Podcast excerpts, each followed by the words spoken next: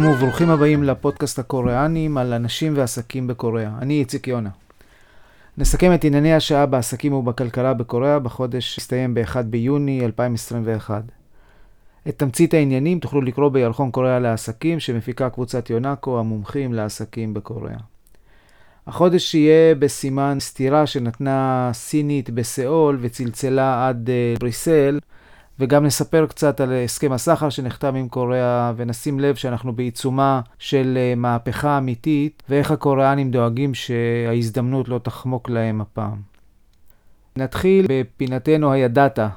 החודש עורך דין קוריאני בן 47 הורשע אחרי שירק לצלחתה של אשתו, מכיוון שהיא דיברה, דיברה בטלפון בזמן הארוחה והוא חשב שזה לא כבוד. כמובן שהוא אמר לה תנתקי, תנתקי והיא לא נתקה, אז הוא ירק לה בצלחת. הוא הורשע בגרימת נזק לרכוש בשתי ערכאות בקוריאה, והוא ישלם קנס של בערך 450 דולר, שזה 500 אלף וון. החודש נחתם אה, הסכם הסחר של ישראל עם דרום קוריאה. זה קרה בזמן שהתותחים של אה, מבצע שומר החומות התחילו לרעום. זה, זה קרה בסיאול, בהשתתפות אה, עמיר פרץ. גם uh, שר החוץ uh, נסע לקוריאה, אבל ברגע שהתחילו התותחים לרעום, הוא uh, לקח את המטוס הראשון וחזר לארץ. ההסכם נחתם אחרי שבע שנים מאז ששגריר ישראל דאז, אורי גוטמן, ישב מול נשיאת קוריאה, פארק גונהה, והיא שאלה אותו מה אתה צריך, והוא אמר, אני רוצה לקדם הסכם סחר בין קוריאה לישראל. הנשיאה אה, שהייתה אז נשיאה והיום היא אסירה, אה, שוחד, הפרת אמונים, אתם יודעים, אמרה לעוזר שלה, תרשום הסכם סחר עם ישראל, ומשם העסק הזה התחיל להתגלגל. בדרך כלל החלטות של אה, נשיאותיות בקוריאה, גם נשיאים אחרי זה או ממשלים אחרי זה לא יכולים לבטל.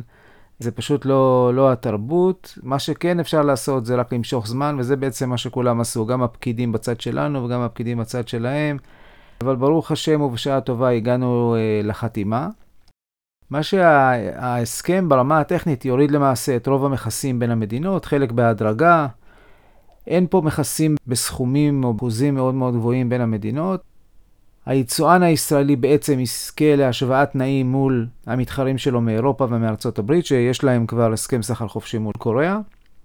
היבואן הישראלי שיקבל עכשיו אה, הנחה או לא יצטרך לשלם על היבוא שלו מקוריאה, יצטרך לחשוב כמה מההנחה שהוא קיבל יעביר, ה... יעביר ללקוחות שלו, שזה אנחנו.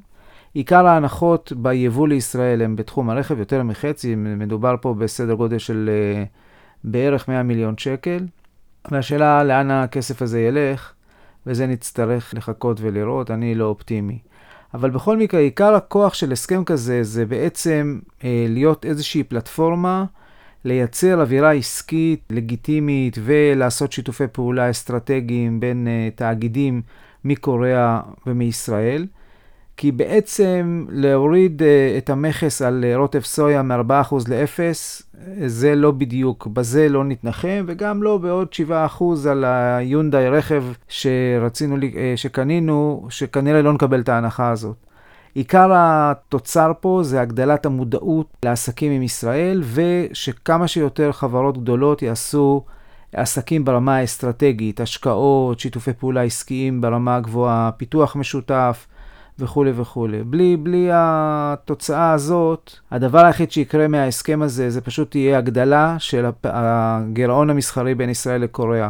הוא יגדל יותר לכיוון קוריאה, מכיוון שהקוריאנים הרבה יותר יעילים במכירות והרבה יותר יעילים בזיהוי של מצבים ושל, ו, ולזהות את הדרך שבה אפשר למכור לנו יותר. אנחנו פחות נעלים בצורה מאורגנת, זה תלוי כל אחד וה... והיוזמות הפרטיות שהוא ייקח, אבל uh, בהחלט לא מזה תבוא לנו הישועה. וכאן בעצם התפקיד של קובעי המדיניות, של נציגי הציבור, בעיקר בצד שלנו, להגדיל את הלגיטימיות העסקית של uh, ישראלים בקוריאה. זה, זה התוצאה האמיתית שיכולה להיות כתוצאה מההסכם. אתם יכולים לקרוא על ההסכם בהרחבה במאמר שכתבתי בבלוג שלי הקוריאנים, כולל uh, ניתוחים והשפעות. הפרק הבא, אני רוצה להתמקד במהפכה שקורית מול עינינו, ואנחנו לא כך שמים לב שהיא קורית. בסיום של הפרק הנוכחי של המהפכה, אנחנו כולנו ניסע ברכבים חשמליים, לא יהיו תחנות דלק, כל אחד יתדלק את האוטו לרוב בבית, או באיזשהם תחנות, עמדות תדלוק שיהיה לו במשרד, או באיזשהם מקומות בדרך. הרחובות יהיו שקטים לחלוטין, והמכונאים יהיו מובטלים, והיבואנים של אה, חלקי חילוף לרכב, רובם יהיו מובטלים. זה לא יהיה עוד הרבה שנים, זה בעשור הנוכחי. הלב של המהפכה הזאת זה הבטריות הנטענות לרכב, הן נקראות Lion, Lion Batteries, Lithium Ion Batteries, והם בעצם הלב של המהפכה. הקוריאנים כבר זיהו מזמן שיש פה הזדמנות שמתאימה להם כמו כפפה ליד. מדובר בעצם במוצרים שהם בודדים, הם לא חלק ממערכת. קוריאנים גרועים מאוד בייצור ושיווק של מערכות. יש, צריך פה טכנולוגיה מאוד מאוד גבוהה, יכולת לייצור המוני, פריסה גלובלית ויכולת רכש טובה, יכולת לוגיסטיקה טובה, וכמובן ייצור באיכות גבוהה. זה בדיוק מה שהם אוהבים לעשות. תסתכלו על כל המוצרים שהקוריאנים עושים, זה פשוט כמו כפפה ליד. זה כמו טלפונים, זה כמו מכוניות, אה, זה אפילו יותר פשוט ממכוניות, זה כמו אה, טלוויזיות וכולי וכולי. מה שקרה עד היום זה שיצרני הרכב בנו את התשתית לייצור הרכב החשמלי, ויצרני הסולל... הסוללות והבטריות התחילו לעשות את כל, את כל השנים של המחקר ופיתוח, עד היום בנייה של המפעלים, והפריסה הגלובלית הענקית של מפעלי ענק, שהתפקיד שלהם זה לספק את הבטריות לרכבים שייצרו בכל גיאוגרפיה, אם זה בארצות הברית, אם זה באירופה וכולי וכולי. לדוגמה, SK חתמה, SK חברה קוריאנית שמייצרת סוללות, חתמה החודש הסכם עם פורד, שזה יצרנית רכב אמריקאית, להקים מפעל לייצור סוללות בארצות הברית, מפעל גדול מאוד, בהיקף של 60 ג'יגה וואט, בהשקעה של מעל 5 מיליארד דולר, של 5.2 מיליארד דולר. אבל השלב הזה שבו כבר התשתית של הרכבים, של ייצור הרכבים כבר התחילה לעבוד, והתשתית של הבטריות, ייצור הבטריות כבר הולכת ומוקמת, כולם מתחילים להסתכל על השלב הבא, והשלב הבא זה אה, לחתור אחורה בשרשרת הייצור, ולראות איך, אתם, איך אנחנו משריינים את חומרי הגלם שמשמשים את ייצור הסוללות. אז עכשיו אנחנו רואים את הגל הזה הולך אחורה לכיוון חומרי הגלם, ואנחנו רואים גם את היצרניות של הסוללות, וגם כל מי שיש לו מספיק כסף והוא מספיק גדול, ויש לו מספיק תיאבון, ולא רוצה להיות מחוץ למשחק, מתחיל להשקיע ולבנות יכולות בתחום חומרי הגלם לבטריות. במקביל גם יש תנועות נוספות, כמו בנייה של יכולות למחזור של סוללות, כי כל הסוללות האלה, ברגע שהם יצאו משימוש, מישהו צריך למחזר אותם. זה פרויקט בפני עצמו, כי תחשבו על כל מיליוני הרכבים שהסוללות שלהם אה, מתבלות וצריך אה, איכשהו לטפל במחזור ובהחזרה שלהם לשימוש וכולי. אז בואו נראה טעימה של מה, רק מהחודש האחרון, איך גופי ענק קוריאנים מזהים את ההזדמנות ואיך הם מתייחסים ואיך הם מתנפלים על ההזדמנות. נתחיל למשל מענקית המתכות, פוסקו. פוסקו זה חברת המתכת החמישית בגודלה בעולם. היא קנתה חודש 30% ממכרה של ניקל באוסטרליה, שילמה רבע מיליארד דולר. ניקל הוא מרכיב מאוד מאוד חשוב בחומרי הגלם לייצור סוללות.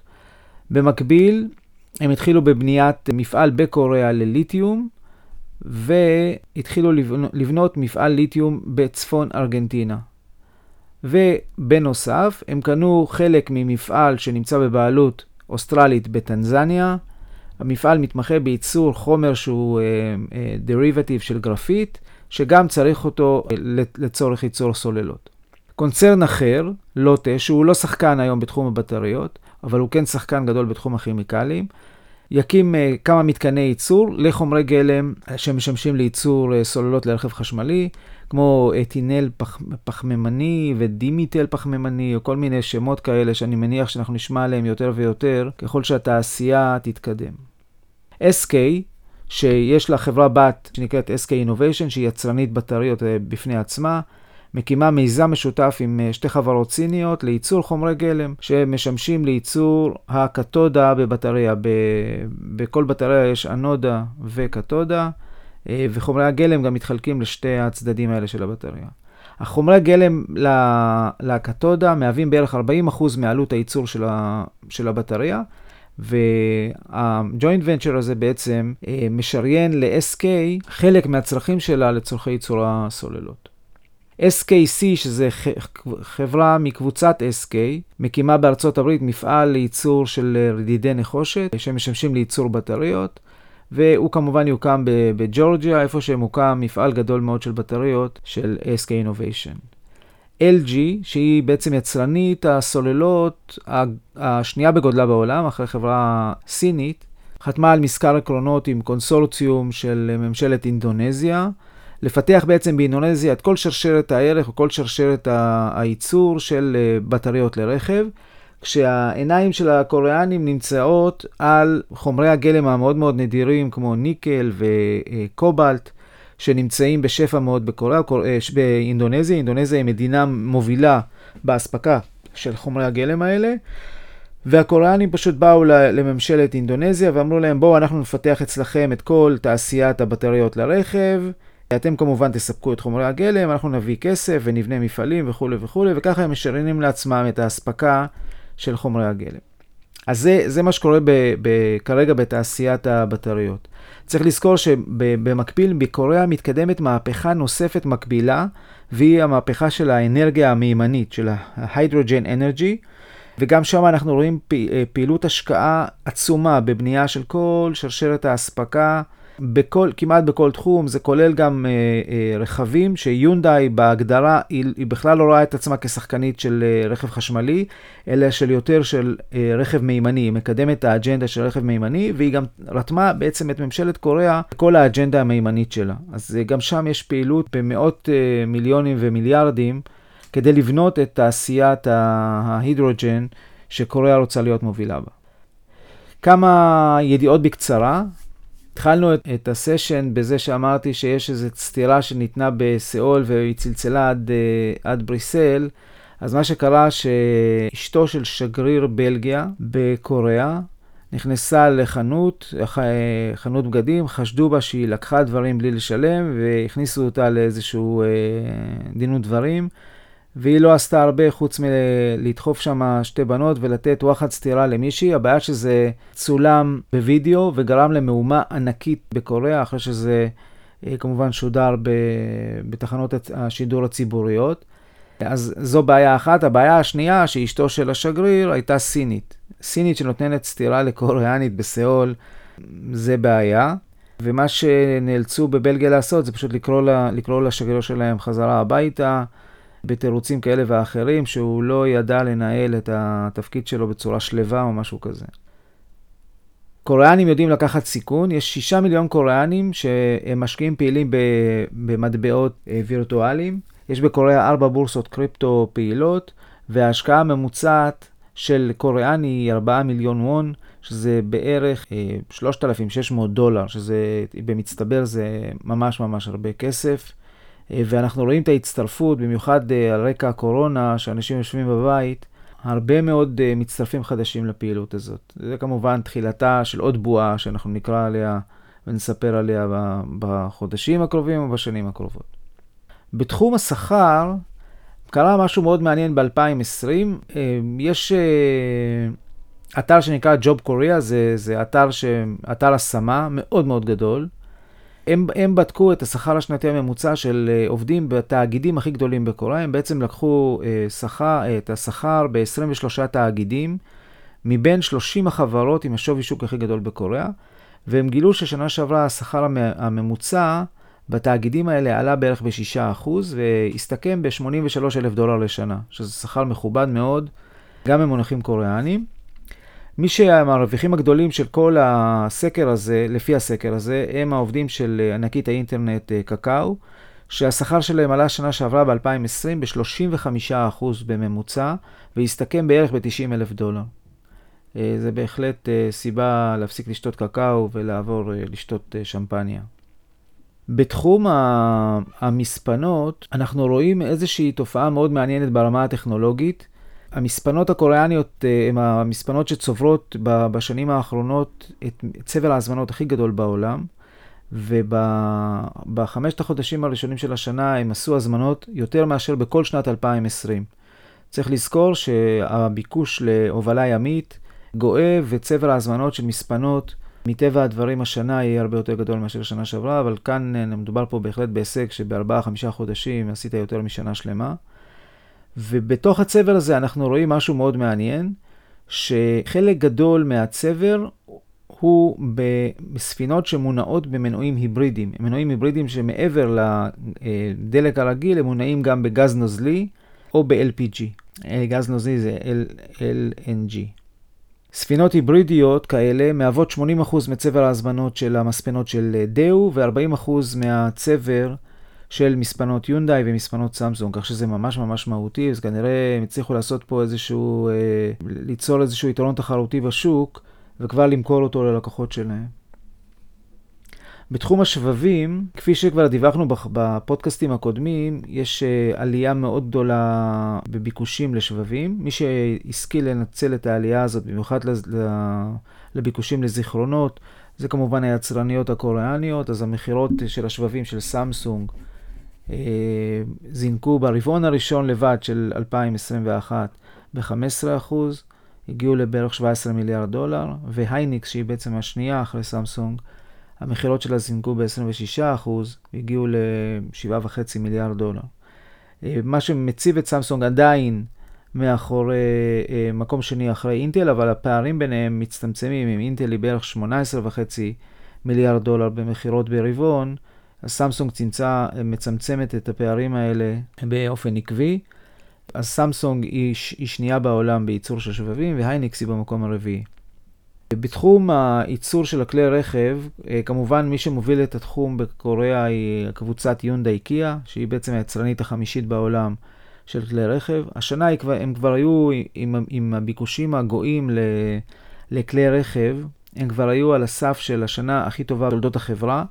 ואז קרו שני דברים. א', יש מחסור עולמי בשבבים, שכבר דיברנו עליו, וזה מקשה מאוד על יכולת הייצור של הקוריאנים והיכולת שלהם לעמוד באספקה. אנחנו רואים אה, מדי פעם אה, שמפעלים נסגר, נסגרים לשבוע, לשבועיים, ואנחנו נראה את ההשפעות של הדבר הזה גם על המחירים בשוק הרכב וגם על דברים אחרים. ובמקביל, הבעיה השנייה, שיונדאי קיה סובלים מבעיות איכות שהולכות וגדלות. לפי דיווח של משרדי הממשלה בקוריאה, יונדאי קיה קראו לריקול של בערך של 700 אלף כלי רכב עד היום, השנה, שזה כמות uh, מעוררת חשד, ואפילו 200 ומשהו אלף uh, כלי רכב כאלה הם, הם מסוג ג'נסיס, שאם אתם מסתכלים בטלוויזיה, ראיתם שהמותג ג'נסיס הושק בארץ כמותג יוקרה, קוריאני, אני לא יודע איך זה מסתדר עם המאות אלפי קריאות שירות האלה בקוריאה, אבל בואו נראה איך זה מתקדם בעתיד. עוד בתחום הרכב, בגלל עליות מחירים ש- שקורות בעולם וגם עליות ההובלה הגדלות, אז יצרניות המתכות הקוריאניות התחילו להעלות את המחירים על אה, לוחות הפלדה, שהם בעצם הבסיס לייצור של השלדות אה, של כלי הרכב. זה, זה פעם ראשונה מזה ארבע שנים שיש עליית מחירים כזאת, ואנחנו רואים איך מתחיל הסבב של uh, עליות שהתגלגל כנראה לרחוב המסגר תוך כמה חודשים. Uh, למי שתוהה לאן יגיעו ההנחות שנקבל במסגרת הסכם הסחר.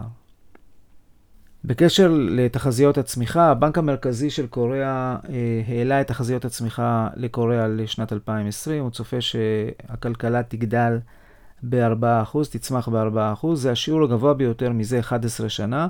בשנה הבאה הצמיחה תהיה פחות מרשימה, בסביבות 30%, ככה לפי התחזיות.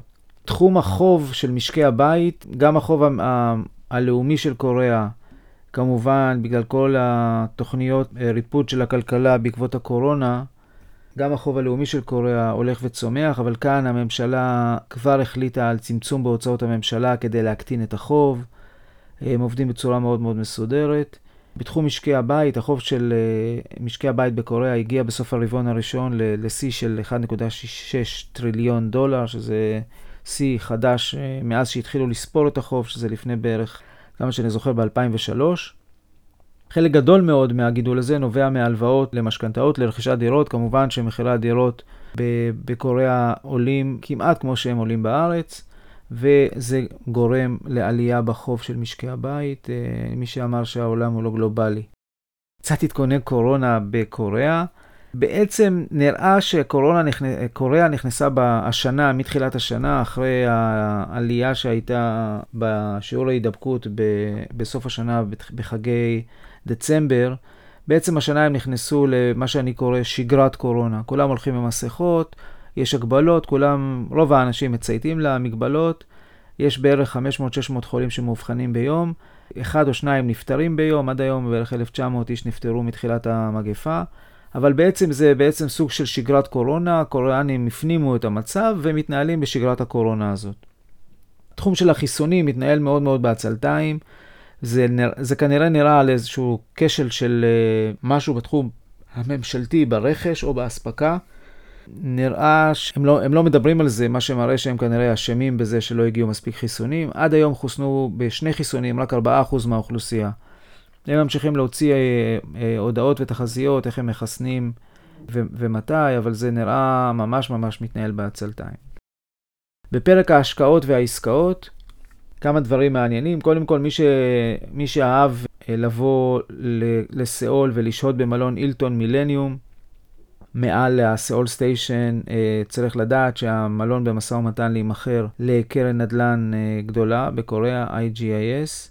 תמורת טריליון וון, שזה בערך 900 מיליון דולר. זה יהפוך לקומפקס של משרדים, אבל יש שם גם טיפה מלונאות אם אתם uh, מתעקשים. יש חברת, חברה קוריאנית לרכיבים לרכב בשם Hanon Systems, חברה עם, שהשווי שוק שלה היום הוא בערך 7 מיליארד דולר. היא עומדת למכירה על ידי שני גופים שמחזיקים בה, Hankook Tire, זה יצרנית הצמיגים לרכב, ו Hahn & Co, שזה קרן private equity מאוד גדולה. הם uh, מקווים לקבל 6 מיליארד דולר עבור 70 אחוזים מה, מהחברה, זה עסקת שליטה. אם העסקה הזאת תצא לפועל במחירים האלה, מדובר בעסקת M&A הגדולה מיותר שנעשתה בקוריאה עד היום. החברה מיוחדת בזה שיש לה רשימת לקוחות יוקרתיים מאוד, כמובן שאת uh, קונצרן יונדאי קיה, אבל גם לקוחות גדולים באירופה ובארצות הברית. ובצד של המוצרים יש להם uh, uh, מגוון רחב מאוד של מוצרים, אבל גם רכיבים שנדרשים בתעשיית הרכב החשמלי, מה שכולם מסתכלים קדימה ורוצים להסתגר ולקבל את ה... לראות שהם uh, יודעים לספק גם את הרכיבים שעדיין יישארו ברכב חשמלי. קרן העושר של סינגפור תרכוש 30% מסטארבקס קוריאה. מי שמחזיק היום בסטארבקס קוריאה זה 50% סטארבקס העולמית ועוד קרן, אה, אני חושב שהחצי השני זה איזשהו אה, קרן private equity. סטארבקס העולמית מוכרת את החלק שלה, 30% יימכר לקרן העושר של סינגפור בתמורה ל-700 וקצת מיליון דולר, ו-20% נוספים כנראה יימכרו לאימארט, שזה אחד מהקמעונאים הכי גדולים בקוריאה. קרן ויז'ן, שזה קרן שמוביל אותה, זה המייסד של סופטבנק, שאני בחיים לא ידעתי להגיד, אה, להגות את השם שלו. היא תשקיע 2 מיליארד דולר בפלטפורמת תיירות דיגיטלית קוריאנית שנקראת אה, ינולג'ה. הכספים האלה מיועדים uh, לעזור לה להתפתח אל מחוץ לקוריאה, וגם שמו כ target להנפיק אותם בוול סטריט ב-2023. הקרן הזאת, ויז'ן, מנסה לשכפל את ההצלחה שהייתה לה אה, עם קופאנג, אמנם שם השקיעו אה, סופטבנק וגם הם השקיעו אה, מיליארדים, הרבה יותר מ-2 מיליארד דולר, אבל החברה בסוף הונפקה בשווים מטורפים בוול סטריט השנה, ובהחלט הם ראו ברכה בעמלם. קרן הפנסיה של קוריאה, שהראשי תיבות שלה זה NPS, National Pension Services, היא בעצם קרן הפנסיה הרביעית בגודלה בעולם. הם השיגו ב-2020 תשואה ממש מצוינת על הנכסים שלהם, הם מנהלים הרבה מעבר ל-600 מיליארד דולר עבור בעצם כל העובדים בקוריאה. כל, כל עובד בקוריאה מפריש מהמשכורת שלו לקרן הפנסיה הממשלתית. הם השיגו תשואה של 9.6% אה, על הנכסים שלהם, שזה בהחלט אה, תשואה פנומנלית. ככה זה עולה מסקירה ממשלתית, שיש גוף אודיט אה, ממשלתי שעושה סקירה על uh, כל פעם על תחומים אחרים. הם לקחו את כל הקרנות הממשלתיות, בערך 41 קרנות. כל הקרנות כמובן שקיבלו ציונים נמוכים, צפויות גם להקטנה בהיקף הנכסים שלהם, גם לשינויים בהנהלה. גם כל אחד מהמנהלים קיבל ציון, וכל העולם גם יודע מה הציון שלו. אז uh, ברגע שהוא מקבל ציון נמוך, כולם עומדים ומחכים. אתם רואים את כל קוריאה עומדת ומחכה עד שהוא יתפטר מעצמו כי בכל מקום שרואים אותו, מזכירים לו או מסתכלים עליו ואומרים, אה, זה שקיבל ציון 3, ציון 4 וכולי וכולי. יש חברה בקוריאה שנקראת נאם יאנג דרי, זה בעצם מותג החלב השני בגודלו בקוריאה, מאוד מפורסם. מה שקרה בשנה האחרונה, בעקבות הקורונה, ההנהלה שלו, שהיא בעצם הגוף ש... אה, ששלט בחברה, זו משפחה ששלטה, משפחת הונג, הם התחילו להדליף, הסתבר שהם התחילו להדליף ברשתות החברתיות כל מיני שמועות, כאילו היוגורט שלהם עוזר לטיפול בקורונה או למניעת קורונה. וכאשר עלו על זה, אז כמובן התחיל סנטימנט שלילי מאוד מאוד חזק. אה, נשים קוריאניות הפסיקו לקנות לילדים שלהם יוגורטים של החברה, כשאתה שואל אותם מה קרה, אז אומרים לך שיש איזה סקנדל. הסקנדל הזה הוא מאוד מאוד קריטי ברגע שאתה נכנס לעומקים האלה בקוריאה. והלחץ הזה פשוט עזר, הם אה, באיזשהו שלב ה chairman התפטר, וכשראו שזה לא עוזר, הם פשוט אה, החודש לקחו את המניות של המשפחה ומכרו את זה אה, לקרן private equity מאוד גדולה בשם Hahn & Co, שדיברנו עליה לפני כמה דקות, בסכומים לא מטורפים, בערך 280 מיליון דולר. באותו יום שדיווחו על זה, המניות של החברה עלו ב-30 רק שתראו מה זה סנטימנט שלילי בקוריאה. חברת דאו אה, ENC זו חברת הבנייה אחת הגדולות בקוריאה, זו חברה עם היסטוריה מאוד מאוד ארוכה, מאוד מאוד מפורסמת. וכמובן, אחרי עשרות שנים, כמעט אולי מאה שנה שהיא קיימת, החברה נכנסה לקשיים כמה פעמים, ומי שקנה אותה בסוף היה KDB, Korea Development Bank, זה חברה בעצם, זה גוף ממשלתי, זה בנק ממשלתי שקונה כל, כל עסק שמשקשק כדי למנוע את פיטורי העובדים, או כדי למנוע זעזועים מיותרים במשק. אז הגוף הזה מחזיק מעל 50% בחברה, אחרי שהבנק הזה חילץ אותה בעלות של בערך 2.5 מיליארד דולר עד היום. כרגע אה, מנסים למכור אותה פעם נוספת, אה, גוף מאוד מאוד יוקרתי מבחינת יכולת הביצוע שלו, אה, גם קשרים, גם מגדלים, מפעלים בכל העולם. האמת שאם הם יקבלו 2 מיליארד דולר בעבור ה-50% שלהם, אני חושב שהם יהיו מבסוטים, למרות שזה עלה להם יותר, אבל הם, זה שלבים שכבר הם רוצים להתפטר מהחבילות האלה שהם מחזיקים. בתחום הדיפנס, קבוצת הנווה, שהיום היא שחקן גדול מאוד בתחום ה-Aerospace and Defense. אם אתם זוכרים, לפני כמה שנים קנתה את כל הפעילות מסמסונג, מה שהיה פעם סמסונג טאלס ופעילות אחרת בתחום ה defense מסמסונג. החברה זכתה בחוזה ממשלתי לפתח מערכת להשמדת כלי טיס באמצעות, כלי טיס בלתי מאוישים באמצעות קרני לייזר. צפויים לתכנן את המערכת ולהציג אותה תוך ארבע שנים. אני רק אמרתי שצריך לשים לב עם כל הלייזרים האלה אה, לא לפגוע בעיניים של הטייסים, אני מקווה שהם אה, הכניסו את זה למפרט. סאנגיונג מוטור, שזו חברה, בעצם יצרנית הרכב הכי קטנה בקוריאה, אה, מיוצג, קיימת בארץ היום, מיוצגת על ידי רמי אונגר. החברה נמצאת בקשיים כבר כמה שנים, היה לה בעלים הודי, שהחליט שהוא מושך את ידיו מהחברה, וכרגע היא נמצאת בניהול תחת בית המשפט, והיא מחפשת איזה שהם בעלים חדש. כנראה שיש התעניינות ראשונית מגופים שקשורים יותר לתעשיית הרכב החשמלי, שמחפשים איזושהי פלטפורמה ייצורית, ויכול להיות שמשם תבוא להם הישועה, אבל זה לא נראה ביקושים uh, של שחקנים עם ידיים חזקות, אז בואו נראה מה יצא עם זה. בסוף עוד אה, KDB, הבנק שדיברנו עליו מקודם, אולי יקנה אותם, אבל uh, זה רק הימור שלי, כי לא, יש שם יותר מדי עובדים, כדי לתת להם לצאת. החוצה. בתחום ההשקעות, בתחום השבבים, יש אה, תנועה יפה מאוד של סמסונג לעבור מייצור מחוץ לקוריאה, שהבסיס שלו הוא בסין, לייצור בארצות הברית, ואנחנו רואים שהם מסיטים את ההשקעות בתחום השבבים לכיוון, של, לכיוון ארצות הברית. הם אה, הכריזו שהם מקימים אה, מפעל לייצור שבבים בעלות של 17 מיליארד דולר בארצות הברית, בטכנולוגיה של 3 עד 5 ננומטר. שיש רק עוד גוף אחד טיוואני שעושה, שמייצר בטכנולוגיות כאלה. ואז בעצם אחרי ההקמה של זה, ארה"ב תהפוך להיות בסיס הייצור העיקרי של אה, שבבים עבור סמסונג אה, סמי מחוץ, מחוץ לקוריאה, וסין לאט לאט הולכת ודועכת בעניין הזה.